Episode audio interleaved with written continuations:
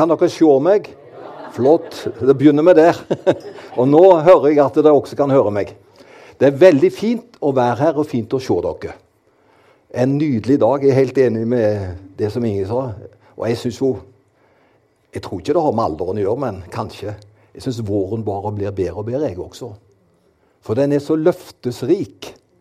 Den er fin akkurat som den er, og så blir det jo bare enda bedre. For da kommer det en sommer. Så uh, våren er nydelig. Og det er fint at vi får samles også på en flott dag som dette i Guds hus. Jeg er veldig glad for at Gud har skapt meg med humor. For det er noen kristne som er veldig alvorlige. Eh, det er perioder hvor vi virkelig skal være alvorlige. Men jeg tror Gud har skapt oss med smil, med humor, med sånne ting. Og Sist uke så var jeg på bedehuset på Jyland. Ja, det er noen som eh, Han har lest den, for jeg la den ut.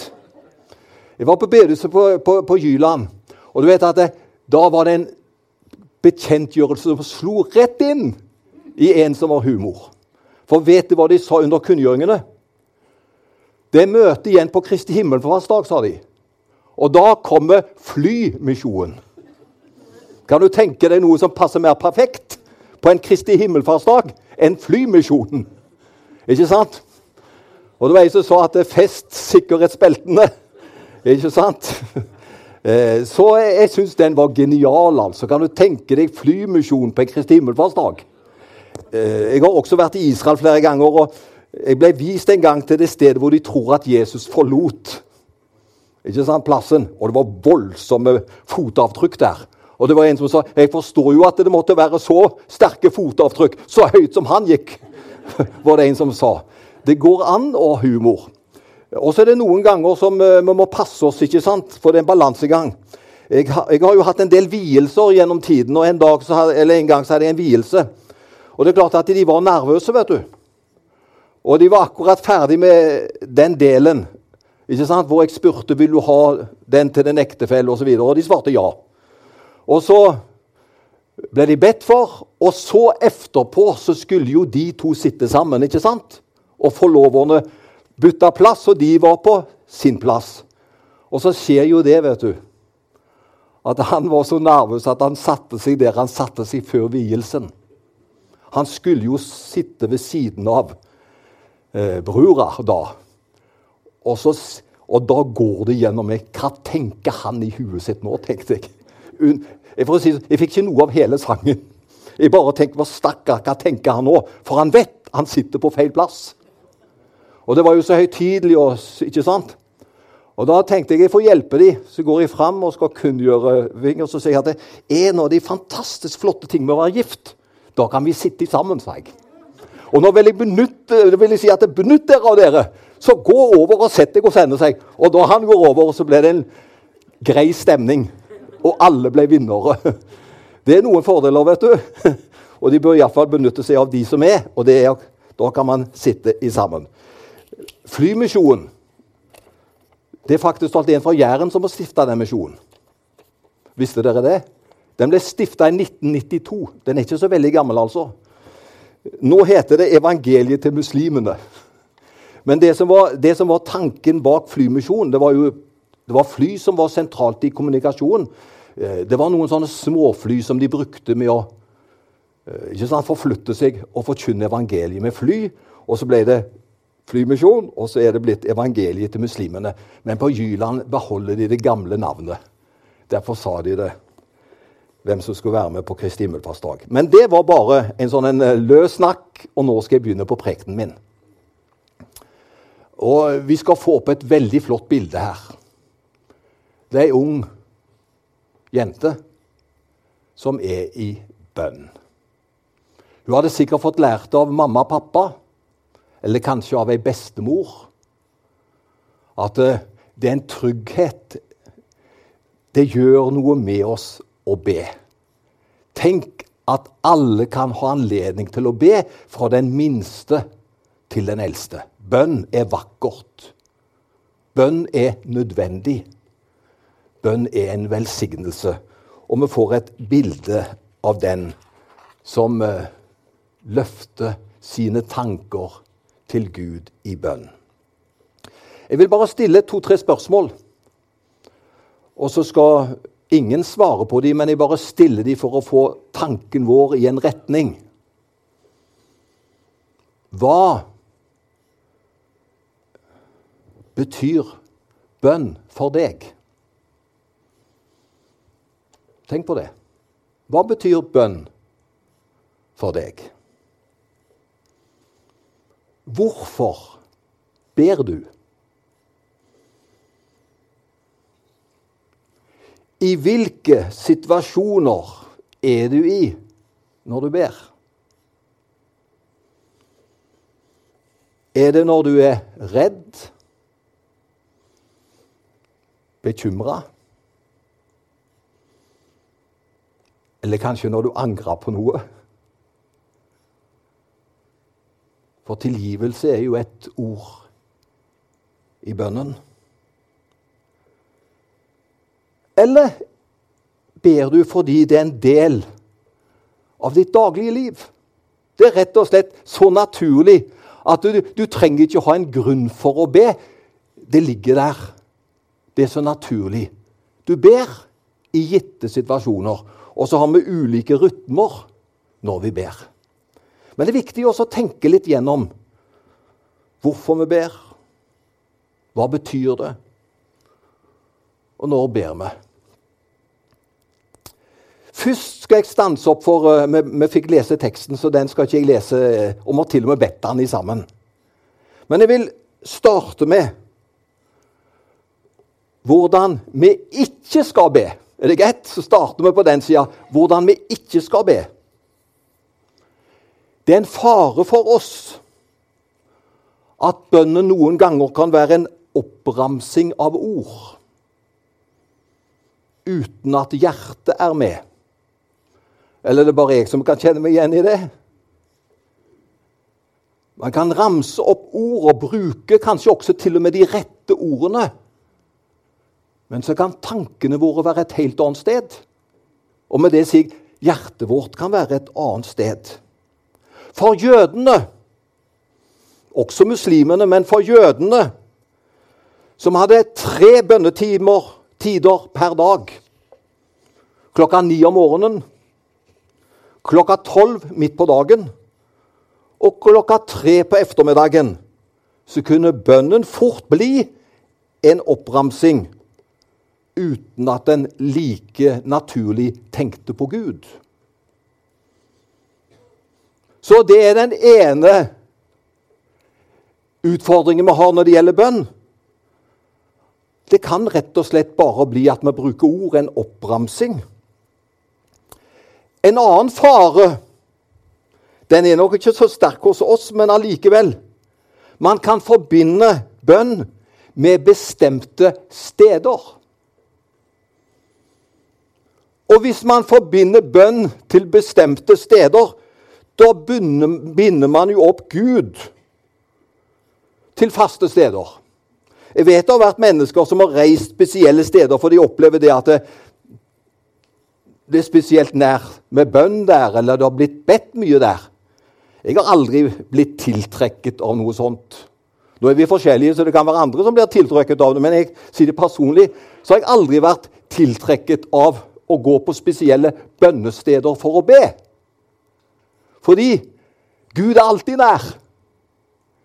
Tenk om det var slik at Gud var bundet opp til forskjellige steder. Der er han sterkt til stede, og der må vi være for å be. Ja, Det hadde vært en dårlig metode. Og for noen hadde det blitt veldig kostbart også, hvis man må reise over dammen eller hvor det må være, for å be. For der er det sterkt å be. Vet du hva? Det er sterkt å be der du ber i Jesu navn. Du skjønner? Du trenger ikke reise til steder for at det skal bli fantastisk å be. Du har det der du er. Det var noen som trodde det på Jesu tid, at du måtte be på det rette stedet. Og nå får jeg opp et skriftsted. Jesus sier til en samaritanske kvinne i Johannes 4, 21, Jesus sier til henne, 'Tro meg, kvinne, den time kommer' da man verken skal be på dette fjellet eller i Jerusalem. For samaritanerne trodde at man skulle be på Heter ikke det fjellet også Garisim? At man skulle be på et spesielt fjell. Der var Gud nær. Og så var det noen som tenkte skal vi virkelig ha sterke bønner, så må vi til Jerusalem. Men Jesus han punkterer begge deler og sier han, det er ikke det det er snakk om. Sanne tilbedere, sier han, de ber i ånd og sannhet. Herren er oss nær der hvor vi er. Altså, den andre faren Første var jo å ramse opp ord. Den andre faren er at vi tror vi må på spesielle bønnesteder for at det skal være sterkt. Og så er det en tredje fare ved bønn. Det er nemlig at kanskje ber man for å vise seg fram når man ber. Vi husker fariseeren som viste seg fram og takket Gud for at han ikke var som han tolleren helt bak i lokalet. Lukas 18. Fariseeren stilte seg opp for seg selv og ba slik Gud. Jeg takker deg for at jeg ikke er som andre mennesker, de som er svindlere, gjør urett og bryter ekteskapet, eller som den tolleren der. Jeg faster to ganger i uken og gir tiende av alt jeg tjener. Og veldig mye flott han hadde å vise til, var det ikke det?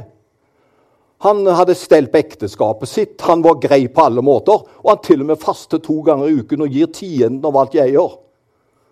Tolleren sto langt unna og ville ikke engang løfte blikket mot himmelen, men slo seg for brystet og sa, Gud, vær meg synder nådig.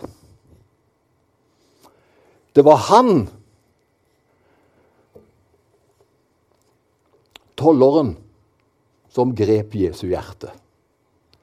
Og det er han som Jesus løfter opp som eksempel i bønn.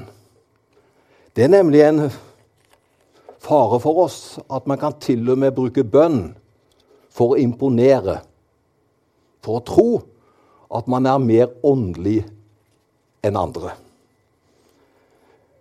Jesus han fastslår to viktige regler for bønn. Og nå skal du få, For nå har jeg sagt hva bønn ikke skal være. ikke sant? Og så skal du få to flotte regler for bønn. Og Jeg håper du blir glad over de to reglene, eller, eller de sannhetene. Og så er det andre sannheter også, men det er de jeg nevner i dag. En. All bønn må være rettet mot Gud. Vi skal ikke be til mennesker. Vi kan være så opptatt av at våre formuleringer skal imponere mennesker. Dermed ber vi feil, for vi har et galt fokus. Bønnen har nemlig Gud som fokus. Du skulle bare visst hvor mange mennesker jeg har møtt i mitt kristent liv som sier 'Jeg ber ikke godt nok'. 'Jeg ber ikke like godt som de andre'. Og så er det med å binde mange mennesker. For det er nesten blitt en slags konkurranse i velformulering. Jeg skal tenke så at jeg får formulere det best mulig. For å si det rett ut Jeg tror Gud Ja, jeg skal ikke bruke ordet. Han bryr seg ikke om det i hele tatt, våre formuleringer. Gud ser til vårt hjerte. Gud ser til vår nød. Gud ser til vårt sukk. Og derfor er det så viktig å ta med oss. Vi ber ikke for å imponere andre med våre formuleringer. Vi har Gud som adressen for vårt Gud. Og Jeg har vært i møte der også du vårt, at det, det, var, det var ikke noe spesiell bønn i det hele tatt. Men vedkommende åpna hele møtet med sin bønn. For det var noe fra hjertet som kom fram. Det var kanskje bare en setning, men den setningen kom så ifra et grepet hjerte. Det åpna hele møtet. Og hvis vi kunne legge lista der, da tror jeg alle kan be. For det er ingen som skal sette karakter på våre bønner. Vi ber ikke for mennesker, vi ber til Gud og for Gud. Kan det hjelpe deg litt? Jeg håper det kan hjelpe deg litt i ditt private bønneliv, men også når du er i husgruppa, når du er i mindre grupper og større grupper. Det er bønn som er viktig, ikke formuleringene, for vi ber til Gud. Bønnen har nemlig Gud til fokus. Det var den første som jeg vil slå fast når det gjelder bønn. Den andre er den Gud vi ber til, er kjærlighetens Gud, som er mye mer rede til å svare enn vi er til å be. Er ikke det bra? Vi kommer ikke til en Gud som må overtales eller mases på for å svare. Kunne nesten trodd det. Men vi ber ikke til en Gud som vi må overtale eller mases på for å svare. Vi kommer til en Gud som har sitt eneste ønske. Det er å gi. Kan du si ammen til det? Da har vi det samme gudsbildet. Vi ber til en Gud som er mer interessert i å gi enn vi er til å be. Og det er jo et fantastisk flott utgangspunkt. Og så skal vi ta noen få ting om Fader vår. Jeg har jo talt om vår Fader vår for ikke veldig lenge siden, og da var det åtte-ni taler. ikke sant? Ledd for ledd. Derfor skal jeg gjøre det veldig kvikt. Men det blir en ny tale i dag. Eh, så du trenger ikke si ja, men det har jeg hørt før. Du har ikke hørt dette før av meg, iallfall. Så det første jeg vil si, det er når Jesus skal lære sine disipler å be, så starter han med Vår Far.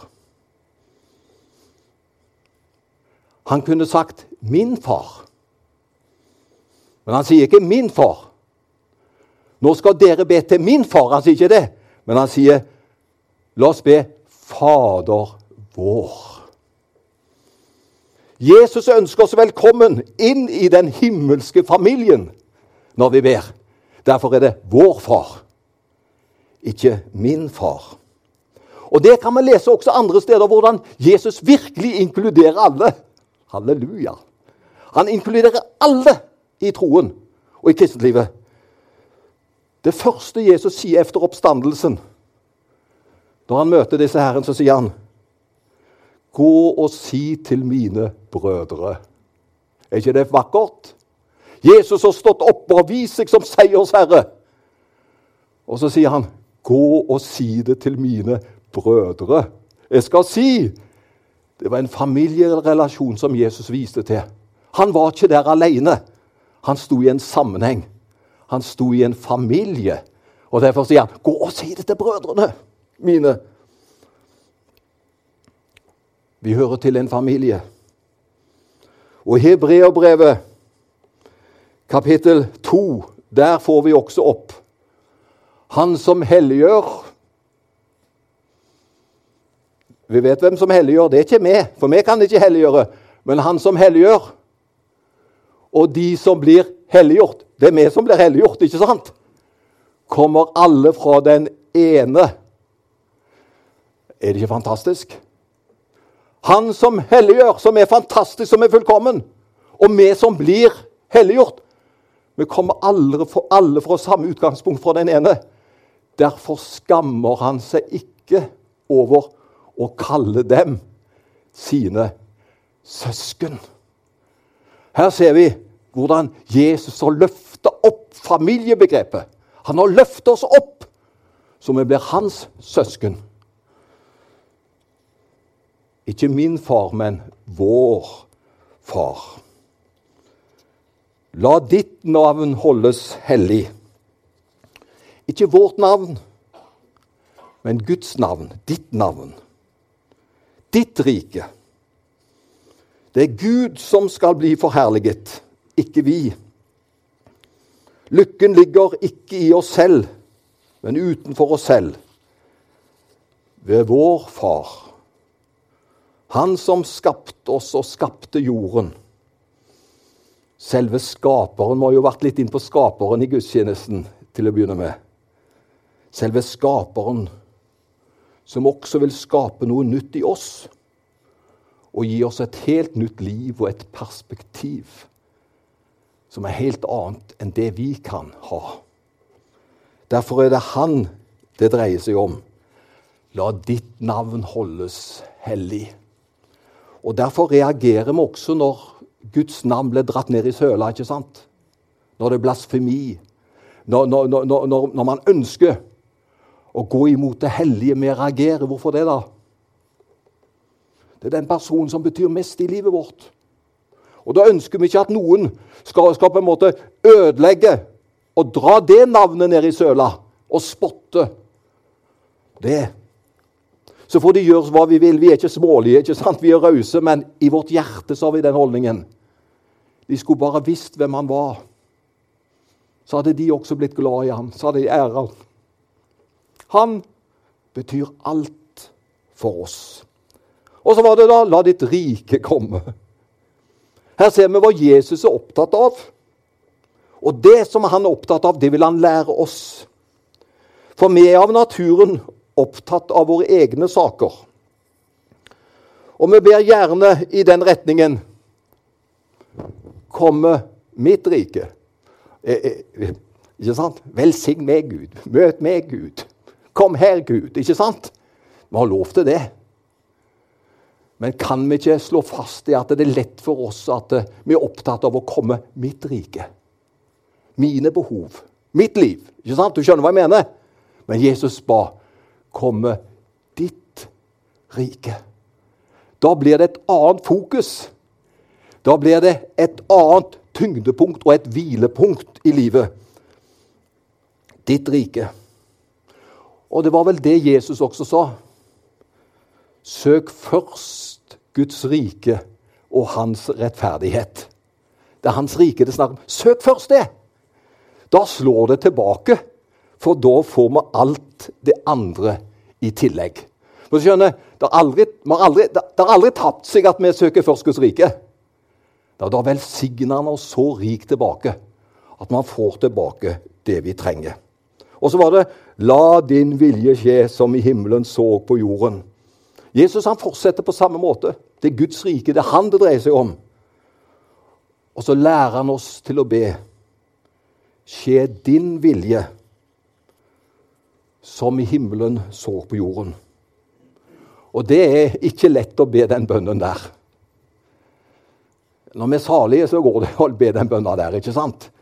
Men når vi står midt i livet, midt i utfordringene, så må vi vel være så ærlige og si at det er ikke alltid like enkelt å be 'la din vilje skje'. Men allikevel så vet vi Guds vilje vil være den beste for oss uansett. Og så vil han gi oss kraft til å gå gjennom livets mange utfordringer. Også her så dreier bønnen seg om Guds sak. Da ikke min vilje skje, bare din. Det var jo det også Jesus ba. Han har smakt han sjøl. Du husker ved Getsemane. Så har Jesus smakt dette sjøl. Det er selvopplevd. Og Jesus han kunne bare be. Må ikke min vilje skje, men din. Og Gud gir kraft. Og så er det 'Gi oss i dag vårt daglige brød'. Det er en bønn som jeg egentlig trenger ikke å be i Norge. Hvis jeg skal si det, sette det litt på spissen. Men jeg tror ikke nødvendigvis det er det brød som det tales om. Vi tenker gjerne på det naturlige brød. Men søker vi først Guds rike, da gir han oss det vi trenger i tillegg. Men Jesus han er inne på kanskje det som er poenget med det. Gi oss i dag vårt daglige brød. For Jesus, han sa, min mat er å gjøre Guds vilje, Han som har sendt meg. Og så sier han et annet sted, jeg er livets brød. Så det er altså et annet brød, eller det som kanskje mange tenker på. Men det at Jesus er livets brød, og min mat er å gjøre Guds vilje. Da har du brød og mat inn igjen. Altså, Det har med Jesus å gjøre. Det har med de evige rikdommer og velsignelser å gjøre. Og så kommer han inn på, og nå først kommer det inn på vårt plan. Alt dette her til nå har dreid seg om Gud ikke sant? Og Guds rike. Men så står det Da kommer det til oss og forlater oss vår skyld slik vi også forlater våre skyldnere. Da er liksom bønna kommet ned. Nå gjelder det meg, altså. Nå gjelder det mitt liv. Nå gjelder det mitt forhold. Nå gjelder det mine relasjoner. Her kommer vi til oss selv. Og vi har alle sammen syndet og er av naturen sett syndere. Dette skjedde ved fallet, ved Adam og Eva. Men Jesus er vår forsoner. Og han kom med forsoningens og forlikelsens tjeneste, slik at vi kan be om tilgivelse, og ikke bare be om det, vi får den. Det er det som er så fint. Hver gang vi ber om tilgivelse, så får vi det. Og Derfor kan man leve i tilgivelsen og forsoningens rike. Og det gjør at vi som av naturen gikk i en annen retning, vi er kommet inn på veien igjen. For han er veien, sannheten og livet. Og så er det Jesus som har gjort oss skikket til det. Og så har vi fått tilgivelse, og så står det 'slik vi tilgir våre skyldnere'. Vi skal også tilgi neste ledd, ikke sant? For vi sjøl har fått grenseløs tilgivelse. Og så led oss ikke inn i fristelse. Eller la oss ikke komme inn i fristelse. Her ber vi om at Gud skal bevare oss, slik at vi ikke kommer i forhold som ikke er ønskelige og gode for oss. Og det er lett at vi kan komme opp i forhold eller situasjoner som ikke er gode for oss. Som til og med kan være ødeleggende på sikt. Men da kan man be den bønna, og det er mange som har bedt den og fått hjelp i den bønna. Hjelp meg, Herre, så jeg ikke kommer inn i fristelser nå som ødelegger livet mitt, men bevar meg fra det onde. Og da er det makt i en slik bønn. Det er kraft i en slik bønn, fordi Herren vil hjelpe oss. Så vi kan få lov til å bli bevart ifra det onde og bli bevart i Guds kjærlighet. Så vi kan gå i de ferdiglagte gjerninger som Han har lagt til rette for oss. Og det siste er før det viser på Han som har makten og æren i all evighet. Så er det 'men fri oss fra det onde'. Nå skjønner vi, nå er vi på vårt plan. En god del av Fader vår gjaldt jo Guds rike og Gud. Men eh, så avsluttes det så realistisk. Derfor gjelder bønna, og den kan bes med vårt hjerte i dag. Men fri oss fra det onde. Det er mye ondt i verden i dag. Ja, verden ligger i det onde. Det, det, ble jo ikke minst minnet om det på 17. mai. Vi feirer frihet. Vi sender ungene først i, i, toget, og så kommer de voksne. Det er så fantastisk. Men vi skal ikke lenger enn hvis vi tar utgangspunkt nå og ikke tar kartet opp til Tromsø, men snur det andre veien. Så er vi i Ukraina, og så vet vi all den lidelsen, all den ondskapen som utøves der hele døgnet. Verden er lagt i det onde, og vi blir så hjelpeløse. Vi har nesten bare, iallfall vi som Guds folke vi har, vi har bønnen og de mulighetene som Vi skal løfte opp dette i bønn. Og så får de andre som har andre muligheter, bruke de redskapene som finnes. Men vi kan be for en verden som er lagt i det onde, og som er i det onde at Guds hellige navn blir bevart, og at det kan stråle. Og vi trenger hjelp ifra Herren, så at vi også blir losa vekk ifra det onde og kan være på Guds vei. For ditt er riket, makten og æren i evighet. Amen. Og så skal jeg slutte. Men helt før jeg slutter, så kan også Fader vår det har jeg sagt før, leses veldig personlig. Du kan sette ditt navn inn. Kan jeg få gjøre det til slutt? Så setter jeg mitt navn inn i Fader vår. Da blir det enda mer nær. Vår Far, du som er i himmelen. La ditt navn holdes hellig i meg. La ditt rike komme i mitt liv. La din vilje skje i mitt liv, på jorden som i himmelen. Gi oss i dag vårt daglige brød i mitt liv. Og tilgi oss våre skyldner. Tilgi oss min skyld, slik at jeg tilgir mine skyldnere. Og led meg, ikke inn i fristelse, men frels meg fra det onde.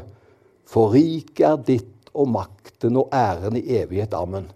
Der hvor jeg nå sa meg. Der kan du nevne barna dine. Sett barna dine inn der. Og så blir Fader vår også ei bønn, ledd for ledd, hvor barna dine blir nevnt med navns nevnelse i din personlige bønn. Skal vi be sammen? Takk, Herre. Du viser oss noe viktige i formiddag. Det er ikke oss det dreier seg om. Det er ikke vi som er i fokus, men det er du, Herre. Og vi ønsker å bøye oss for deg. Og vi ønsker at din vilje, ditt farshjerte, skal nå oss alle. Så hjelper du oss midt i vår hverdag. Takk at du er med oss. La dette bli fortsatt en fin dag. Og fine dager som ligger foran.